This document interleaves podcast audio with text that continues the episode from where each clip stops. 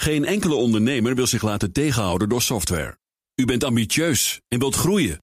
Codeless vernieuwt, bouwt en onderhoudt software die altijd perfect aansluit op uw unieke bedrijfsprocessen. Zodat u de beste software heeft voor uw bedrijf en ambities. Nu, morgen en over 30 jaar. Kijk op slimsoftwarenabouwen.nl. Touchdown confirmed. Hi, everybody. This is the Space Cowboys podcast. I forget the number, but it's the 3rd of July edition. Hi, Yuri, you're my guest today. Hi, Herbert. Thijs is off to some uh, faraway country Good for him. in Asia, and he'll probably hear this, but he's not joining us today. Um, let's just discuss a whole bunch of news items that we have accumulated, okay? Right, yeah, because there's been so much going on in the last That's few right. weeks. Yeah. Uh, for instance, um, on the 2nd of July, for us right now, that's yesterday, uh, the Orion launch abort system was tested and it was a success. Tell me about it. Yeah, so this was a critical uh, test in the whole Orion or Artemis program. Uh, what they did yesterday is tested the launch abort system. The launch abort system is uh, a safety measure that helps push away the capsule, the capsule aboard the uh, the uh, SLS uh, Orion uh, stack, and it helps to make sure that once something goes completely wrong with the launch, that the astronauts can get away safely. So what they did yesterday is they uh, launched a mock of a mock-up of the Orion capsule with the launch abort system on top of it. Uh, they put it on some old retired uh, missile uh, just to make sure that it could uh, get a away. throwaway from, rocket. It was basically a throwaway rocket, but it worked and it uh, got off the launch pad quite quickly. It did. It did. It looked, well, li- like the real thing. Yeah, but uh, it it they were afraid that it would uh, go into the sky a bit too quickly, so they added about 35 tons of extra weight to make sure They that did. it would be weighed down. Otherwise, it would just go off the launch pad a bit too sporty. Reach escape, escape yeah, velocity. escape velocity. um, but what they did, were, they, they were able to com- complete the test. So um, at around uh, 12 or 13 kilometers, the average cruising uh, altitude of a, of a, of a, of a, a jet airliner, Yeah. uh, the launch abort tr- system triggered, and you could clearly see the capsule with the launch abort system pulling away Yeah. from the rocket. But not not only that, if I may may interrupt you, um, they also simulated uh, stuff going wrong. Yeah. Because the whole rocket turned upside down and started on its way back to the ground. So it, was really a disaster simulation. Exactly, because this this kind of uh, launch abort system is only triggered when something completely goes wrong with the rocket. Uh, Okay, so that was needed for the test. yeah, well. and uh, we've seen, especially recently, how important a launch abort system is. Because if you remember, back in October, October 2018, we had the launch of a Soyuz capsule from uh, Kazakhstan. yeah. and things went wrong midway during the flight. And that also triggered the launch abort system on the uh, Soyuz capsule, which is basically the same kind of technique that we use for uh, the Orion capsule. And it made sure that the astronauts astronauts uh, were able to get away from the failing rocket safely and that they were able to land. So, So it really saved their lives. it then. saved their lives. And uh, after the test yesterday, Nick Hague, one of the ast- astronauts on board the failed Soyuz flight, he tweeted uh, about the importance of this test and the importance of a launch escape system. So it really Yeah. shows this is an important. It's, It's no joke, guys. no, this is really important, an important test, and I think it's one of the last tests before the actual flight of SLS and Orion somewhere next year. Okay, how's that going? Uh, difficult as Oh, usual. Yeah. uh, I mean, the Delays, test, delays. Yeah, delays, delays, delays. I mean, the whole program. I think Orion, so the capsule cost about 16 million, and the rocket itself, SLS, 14 million, billion, billion, so billion, yeah, US dollars. We're not we're not using millions. here. No, no, no, no, no. Um, and we're still facing delays. So it's currently uh, the first flight of Artemis, Artemis 1, uh, which is uh, uh, the SLS and the Orion capsule Yeah. without uh, astronauts. It's it's now targeted for the end of 2020. Okay, and But Artemis, to be sure, is uh, the fancy name for the Moon Mars project. It's it's Apollo reboot. yeah, yeah. uh, and it's Not it's- because it's easy, but because it's hard. Yeah, exactly. And it's aimed for the end of 2020, but we've already heard some rumors about it being delayed into 2021. Uh, and of course, the follow up flights, the first human flight of uh, SLS Orion, is now aimed for, for uh, somewhere after that. And uh, the whole moon landing in 2024, that's also dependent on 20 to 30 billion dollars uh, extra on top of the current budget. So it is a troublesome program. Yeah, and it will stay that way. I guess. Exactly. Yeah. Okay. All right. Um, so that's one. Uh, next up is the Titan drone. We're going to fly on Titan, aren't we? Yes, yeah, I think it's one of the most the coolest missions. As yeah. long as this goes according to schedule and all that. But Yeah. it's the plan. Yeah, and it was presented the other week. Yeah, it is. So- So, um, NASA presented their newest Titan mission. It's called Dragonfly, and um, they're aiming for a launch in 2026 with a landing on Titan in 2034. So that's this is going to take take some gonna- patience. Yeah, it's going to take quite a while to reach Titan. 2034. Yeah. Okay. Okay. 15 years 15 from now. years from now. And what they're going to launch is a drone. A drone that's going to fly on Titan. Yeah. Um, okay, but I suppose um, the, some things is going to land 1st Mhm. and then launch the drone, right? No, it's going to go into the atmosphere. It's and going to dive into the atmosphere as, a, drone. As a drone and then land on the surface of Titan. Wow. And then it's going to perform uh, a number really of a number of hops from one place to another. Um, it's powered by uh, a radioisotope gen- uh, uh, uh, reactor, so it's uh, uh, nuclear powered. yeah, just like Pluto missions and all that. Exactly. Horizons. Yeah. And uh, they're building it to be able to uh, uh, cover about 180 kilometers, or about I think 20 hops. Uh, so it's going to hop from one place to another place, do some analysis of the surface that it's on, and then hop to another place a few kilometers away, do some other analysis. So it's it's going to fly around on Titan. wow. So that's a. It's basically a flying rover, flying Mars yeah. rover. I mean, with a rover, you can only, well, cover distances of kilometers. With Yeah. this, you can cover distances of, t- of tens of That's kilometers. beautiful. Yeah. Yeah. And um, some time ago, not too long ago, there was talk about the Mars helicopter. Mhm. And that was very interesting because the atmosphere of Mars is very thin. Yeah. And you really need some technology to get anything flying Yeah. using a rotor. So, how's that on Titan? Well, on Titan, flying is actually quite a lot easier because on Titan, you have an atmosphere that's four times denser than on Earth. And you have only one seventh of the gravity on Earth. so, it's going to be easy. So, yeah, so one of the scientists, lead scientists for the uh, Dragonfly mission, said that if you strap on wings as a human, you would be able to fly on Titan because of the dense atmosphere and the uh, tenuous gravity. Just the there. way Leonardo pictured it Exactly. Yeah, yeah, yeah. Um, so making sure that you have a drone that can actually fly is easier than on Earth and uh, a lot easier than on Mars. It's going to be fun. I can't wait until 2000. Oh, it's going to take such a long time. I hope I'm still alive then. yeah, Yeah. I mean, 15 years from now. Yeah. yeah. Anything else about this one? Um, well, maybe it's interesting to see that it, the whole rover carries a whole, or the, the not, not a rover, it's uh, the whole drone is going Yeah. to carry a lot of uh, scientific instruments. So, so it's going to carry cameras, of course. It's easy to fly, you can Yeah. carry some stuff. drills, Reasonable. uh, seismic and weather uh, sensors, spectrometers, and it's going to uh, ana- analyze the composition of Titan's rocks to make sure that we understand what Titan is made of. Yeah. And just to be sure, it's going to be an unmanned thing, right? Yeah. Yeah. Yeah. Of course. Okay. Okay. But, all right. Um, then another news item from uh, a short while ago. Um, Elon Musk launched 60 of his Starlink satellites. Mm-hmm. And um, now it has come to light that um, five of them have failed. No, three. Three, yeah. Three, yeah. But it's still way too many because it's 5%. And if you translate that to the final number that they're aiming for, being 12,000, that would be 600 failed satellites in orbit. Yeah.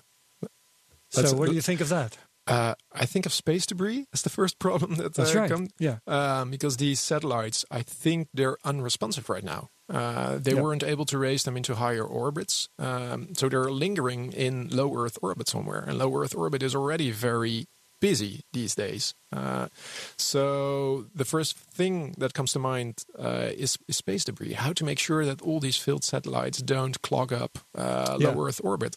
And um, I seem to remember that um, these three failed Starlink satellites are going to fall back to Earth in not too long a time. Yeah, Do- Do, you know by heart how ma- how much time this will take? I think that, that that's always dependent on the solar activity because solar Oh, yeah. activity makes the uh, atmosphere uh, contract or yeah. expand, and Yeah. depending on how much uh, it is contracted or expanded, that speeds up or delays the process of uh, making sure that satellites come back to Earth. Yeah, but has anything uh, been um, ma- made public about the cause of this? No, uh, I mean uh, we don't know. SpaceX is very tight-lipped about Starlink uh, up until now, so Yeah. we don't really know yet. But are they very much red-faced? No, because uh, Elon Musk said before launching uh, this first batch of, uh, of, of, of, of, Starlink satellites that he was expecting a number of them to fail, uh, not only in raising their orbit, but also in uh, sending back data. Uh, Okay, so there was already a caveat. and we haven't even reached that part, No. sending back data. No, uh, we, we haven't seen anything about latency or uh, speed or uh, coverage of the Earth. No. Yeah, yeah. Okay, so we'll have to wait and see. Yeah, I think we have to wait and see until the first six to twelve launches of uh, Starlink. So uh, from now on, every Wow. Few months they'll launch uh, another batch of sixty satellites. any information about when the next one will Yes, be? September. Uh, September. The rumors are that the next batch is going uh, uh, to be launched in September. Okay, well, it's uh, closer than 2034. Yeah, but the problem is they have to launch a number of uh, satellites before a certain date, or their license with the FCC will. Uh, so they Okay. have they they they're in a hurry. There, there's a stick Yeah. as opposed to a carrot. exactly. They have to make sure that they launch uh, enough satellites. Okay, so we'll um, uh, wait for that one then. Yeah. Good. Um, next up is uh, China. Uh, what's going on in, in China? They have problems with their launcher. It's quiet when dealing in with China. China. It's quite in China. Um, in the last few years, we saw an increasing amount of launches from China. Uh, we saw some very interesting plans for the future. Um, but it's been quiet in the last few months. And I think that has to do with two problems. On the one hand, we had a launch failure of a regular Changzheng uh, rocket back in May. Um, It was an upper stage that failed, and that always has some impact on the backlog of launches that, that, that we're dealing with. So that never helps. But the main problem is their uh, completely new Changzheng 5 rocket. It's one of the biggest rockets that was ever built. It has an enormous lift capacity, and it's a completely new rocket for China. Um, they launched the first two rockets back uh, a few years ago, and their most recent launch, that was in July 2017, if I'm correct, uh, failed. The upper stage failed. And uh, they tried to test the upper stage rocket uh, or the upper stage rocket engine, but all their recent tests have failed. And there are rumors that their most recent test at the end of April also failed. So they're somehow they're in in, in, in a spot where they're unable to fix the Wow. actual problem with the upper stage of the Changzheng 5 rocket. That's a rare thing. I mean, something failing is not rare in space. No. It uh, happens all the time. Yeah. But then you go and fix things, and mostly you get stuff working again. But yeah. Chinese are even failing at that. Uh, apparently, apparently, because it's taking quite a long time for them to fix this problem. And uh, I mean, the whole uh, rocket engine for the upper stage of the Changzheng 5, it's the YF77. Look it up. It's a very interesting uh, concept. Google that. Um, but the main problem is in the turbopump. Uh, so the turbo pump that makes sure that enough uh, fuel ends up in uh, the rocket chamber. And the whole uh, rocket i- rocket engine is uh, is a cryogenic rocket engine, and there are not a lot of cryogenic rocket engines in the world. So that it burns liquid fuel. yeah, it burns Yeah. liquid oxygen and hydrogen. Yeah, Super okay. cooled, uh, very effective, but very hard to master. Uh, so we only have a few of those upper stages uh, in the world. Uh, the US has them, uh, Russia has them, and Europe has them. And I think Chi- uh, India is also very close to mastering the whole uh, cryogenic upper stage.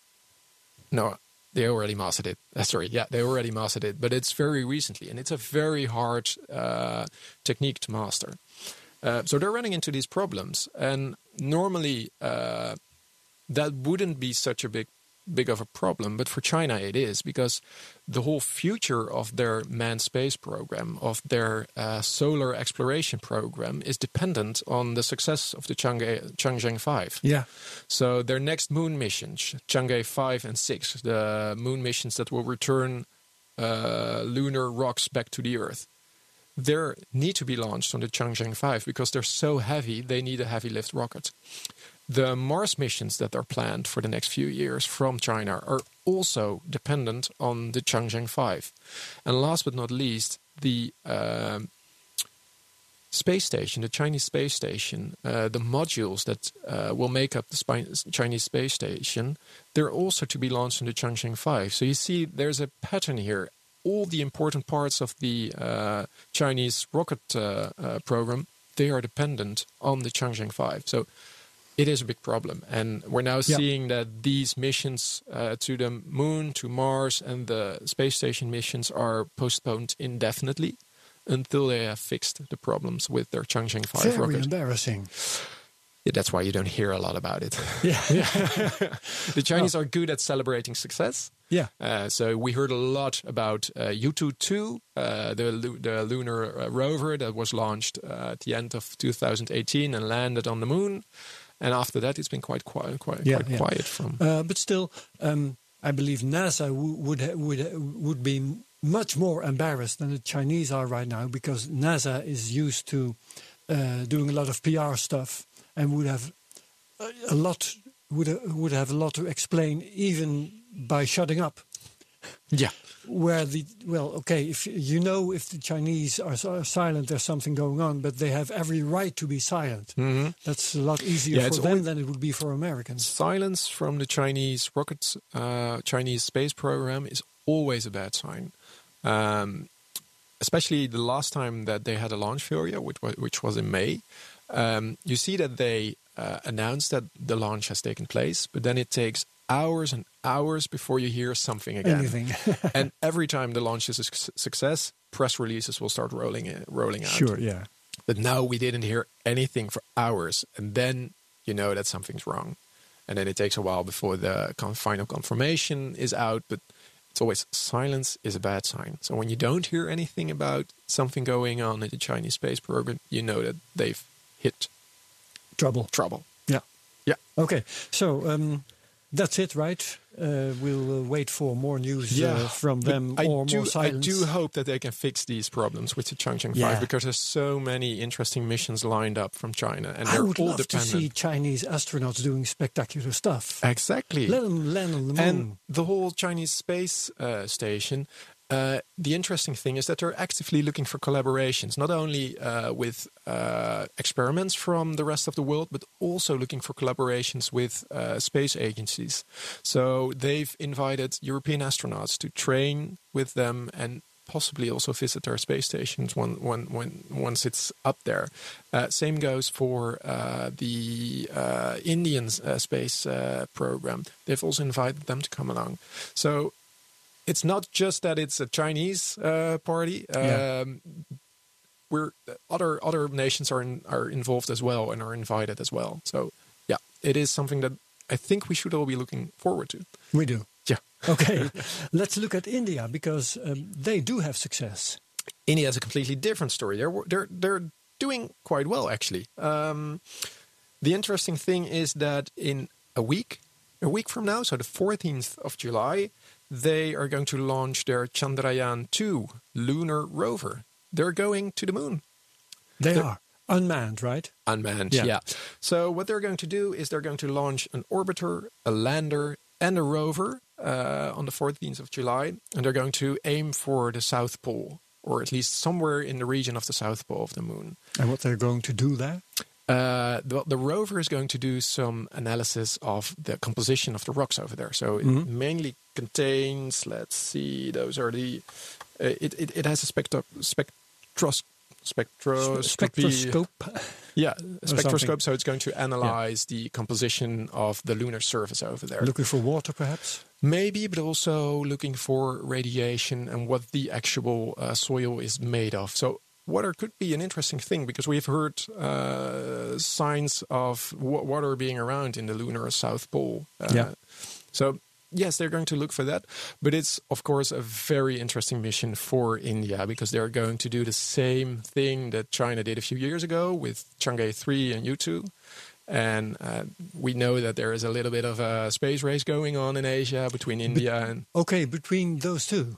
Yeah, and uh, so they're act- actually looking more at each other than, for instance, at the United States. Yes. Yes, uh, you also see it in the manned space space program for India.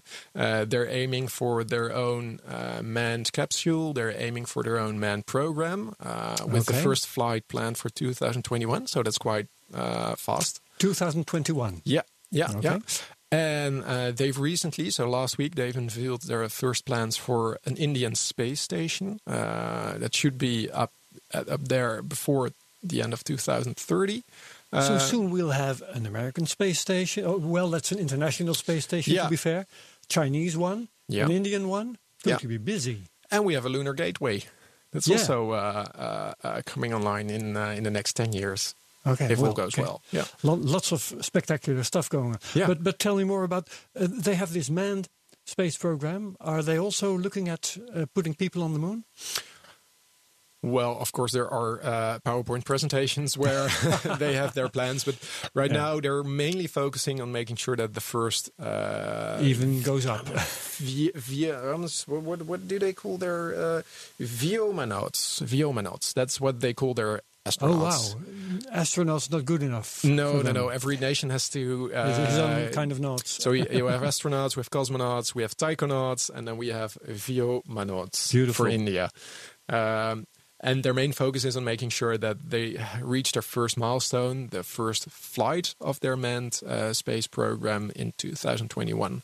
Uh, that's their first step. But considering the, the trouble that the Chinese are having right now, um, it's uh, maybe it's probable that, uh, that the Indians are going to win this particular race. yeah, but the uh, Chinese are in the lead right now. They have they've had their they still are. They've had their uh, manned space flight since uh, the first half of since since 2003 when their first uh, uh, Taikonaut launched.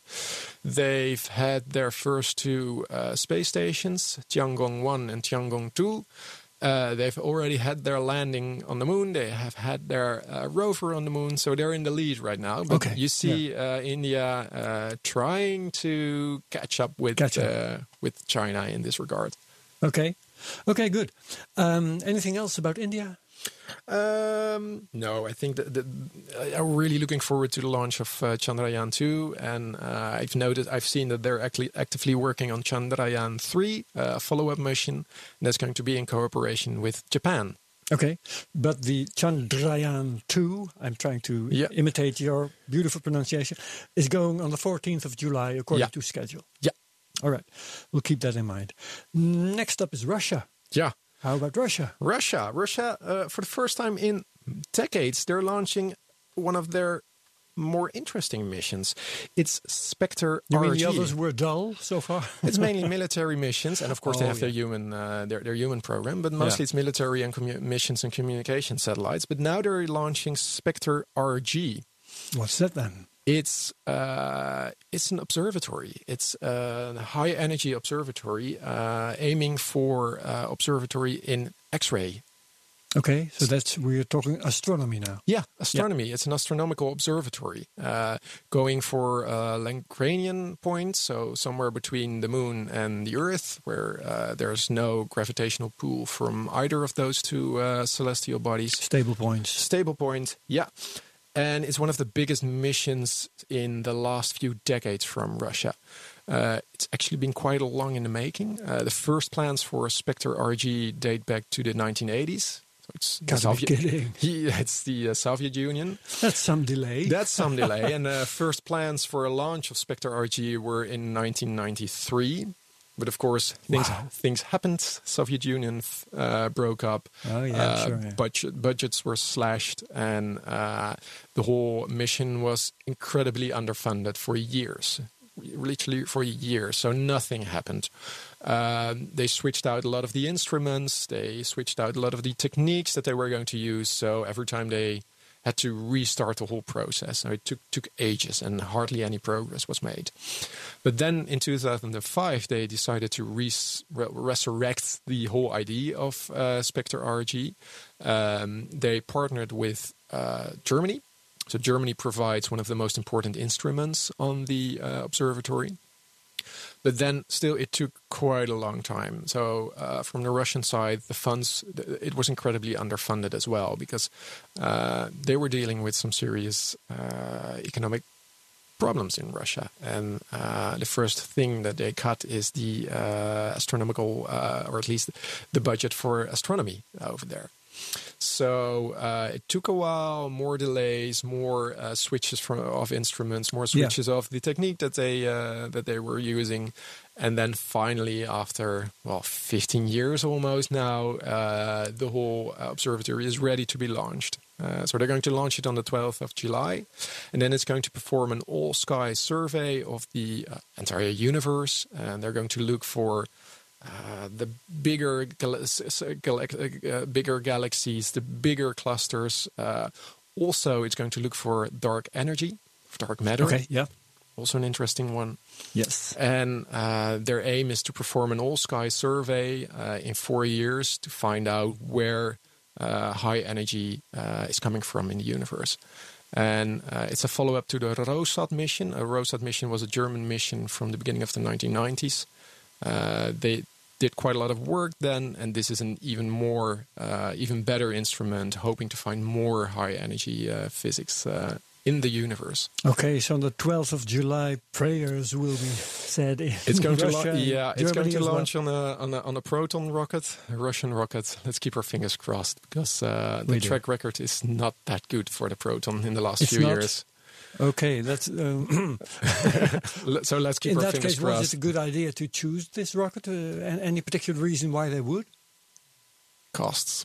Oh, yeah. It is cheaper. I mean, otherwise you'd have to launch it on an Ariane 5 or uh, an Atlas 5 or an American rocket, and I don't think that they had the funds or the political uh, will to do that. Wow, that would be quite a disaster for Yeah. Russia. Like you said, fingers crossed. Then. Yeah. Okay. Um, now I have uh, one for you um, because uh, there's a lot of talk um, lately about Apollo 12, a documentary. Of course, we're celebrating uh, the moon landing itself on the Yeah. 20th of, of July. And um, I was on YouTube the other day and suddenly um, I uh, got this particular video on my screen. It's a documentary about Apollo 12. I'll see if I can let you hear uh, just a little piece of it. 14th, Yes. 1969. There you go. See if I can turn it up Three astronauts a bit. with spacesuits, food, water, and a battery of scientific and communications equipment prepared to fly to the moon. Thousands gathered at the Kennedy Space Center in Florida. Well, okay, that'll give you an idea. Richard Nixon. Um, the fun thing I thought was um Apollo 11, of course, was the first um, uh, moon landing. This was the second one. After that came Apollo 13, another one that has been covered a lot, even in, in a movie, a Hollywood movie. And everybody seems to have forgotten about this one. No one talks about Apollo 12 or the other Apollo missions. I mean, sometimes you hear No. Apollo 17, the last one. I think. yes, Harrison Schmitt and um, I forgot the other one. But these are almost unknown. No one ever talks about them. I mean, you, you're the freaking third guy on the moon. Yeah. Doesn't matter if you're the third guy. Do you know yeah. his name by heart? Nope. and I've I've seen the documentary and I forgot. That's how You bad see, it you is. see, you see. It So only people- counts to be the first. That's right. Even well, the second, I still know his name, of course.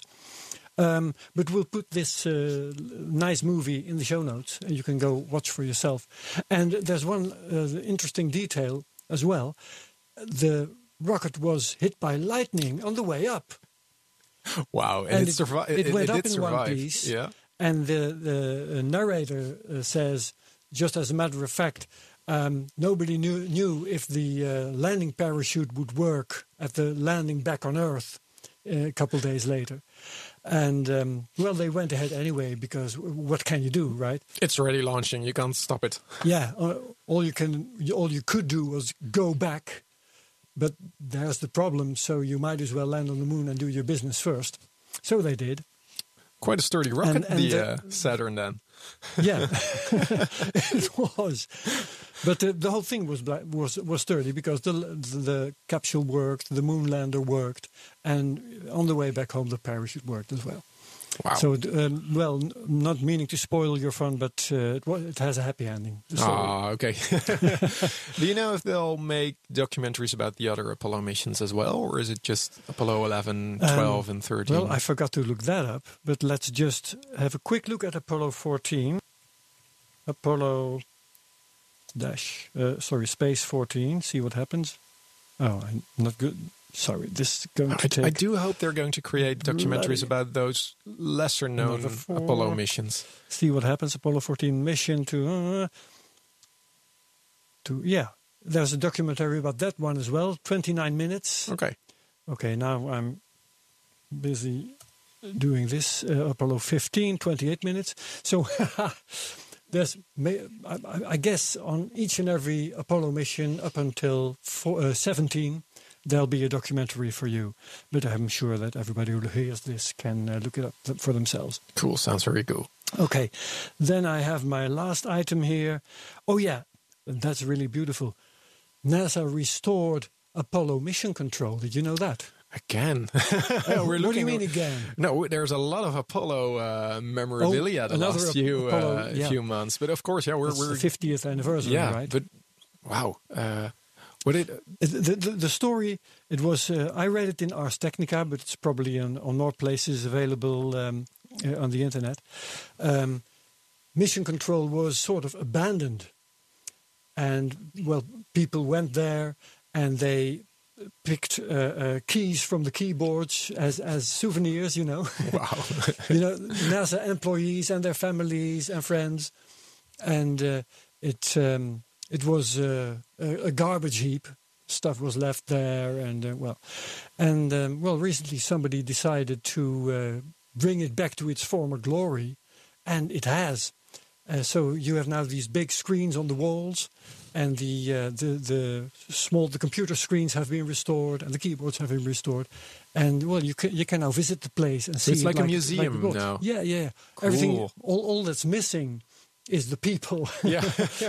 so we, In- we're in waiting room. for Gene Kranz to stay to, to stand there and say failure is not an option. That's right. That's right.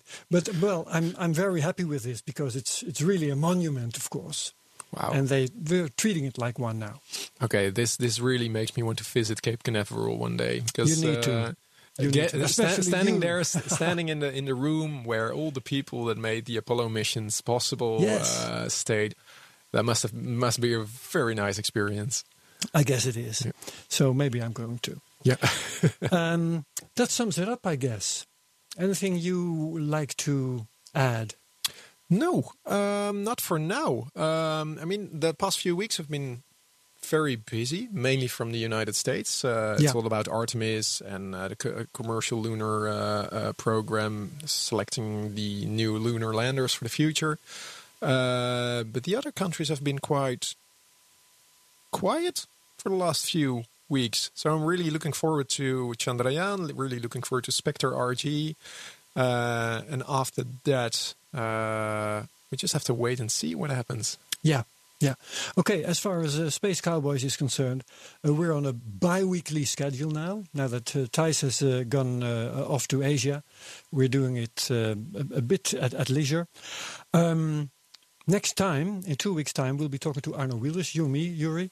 Cool. Uh, we'll talk to Arno Wielders about the Artemis project. Ah, Uh, see how uh, how much information we can get out of him, yeah. and um, probably we'll talk a bit more about uh, the Trump uh, government and how they're treating space. Yeah, I'm really interested in seeing if they can make sure that the the the, the, the 20 to 30 billion that is needed uh, can be made possible. Otherwise, I didn't see the, main whole thing. pro. Yeah, I and mean, that's the big difference so far between the Apollo project in the 60s, which which had just about unlimited funds, yeah, and uh, the Artemis project, which has, uh, well, sort of moral backing from the US government, but not much more besides that. yeah.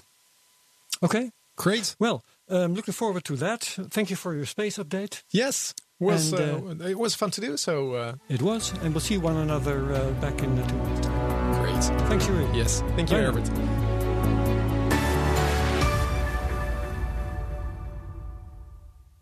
Geen enkele ondernemer wil zich laten tegenhouden door software. U bent ambitieus en wilt groeien. Codeless vernieuwt, bouwt en onderhoudt software die altijd perfect aansluit op uw unieke bedrijfsprocessen. Zodat u de beste software heeft voor uw bedrijf en ambities. Nu, morgen en over 30 jaar. Kijk op slimsoftwarenabouwen.nl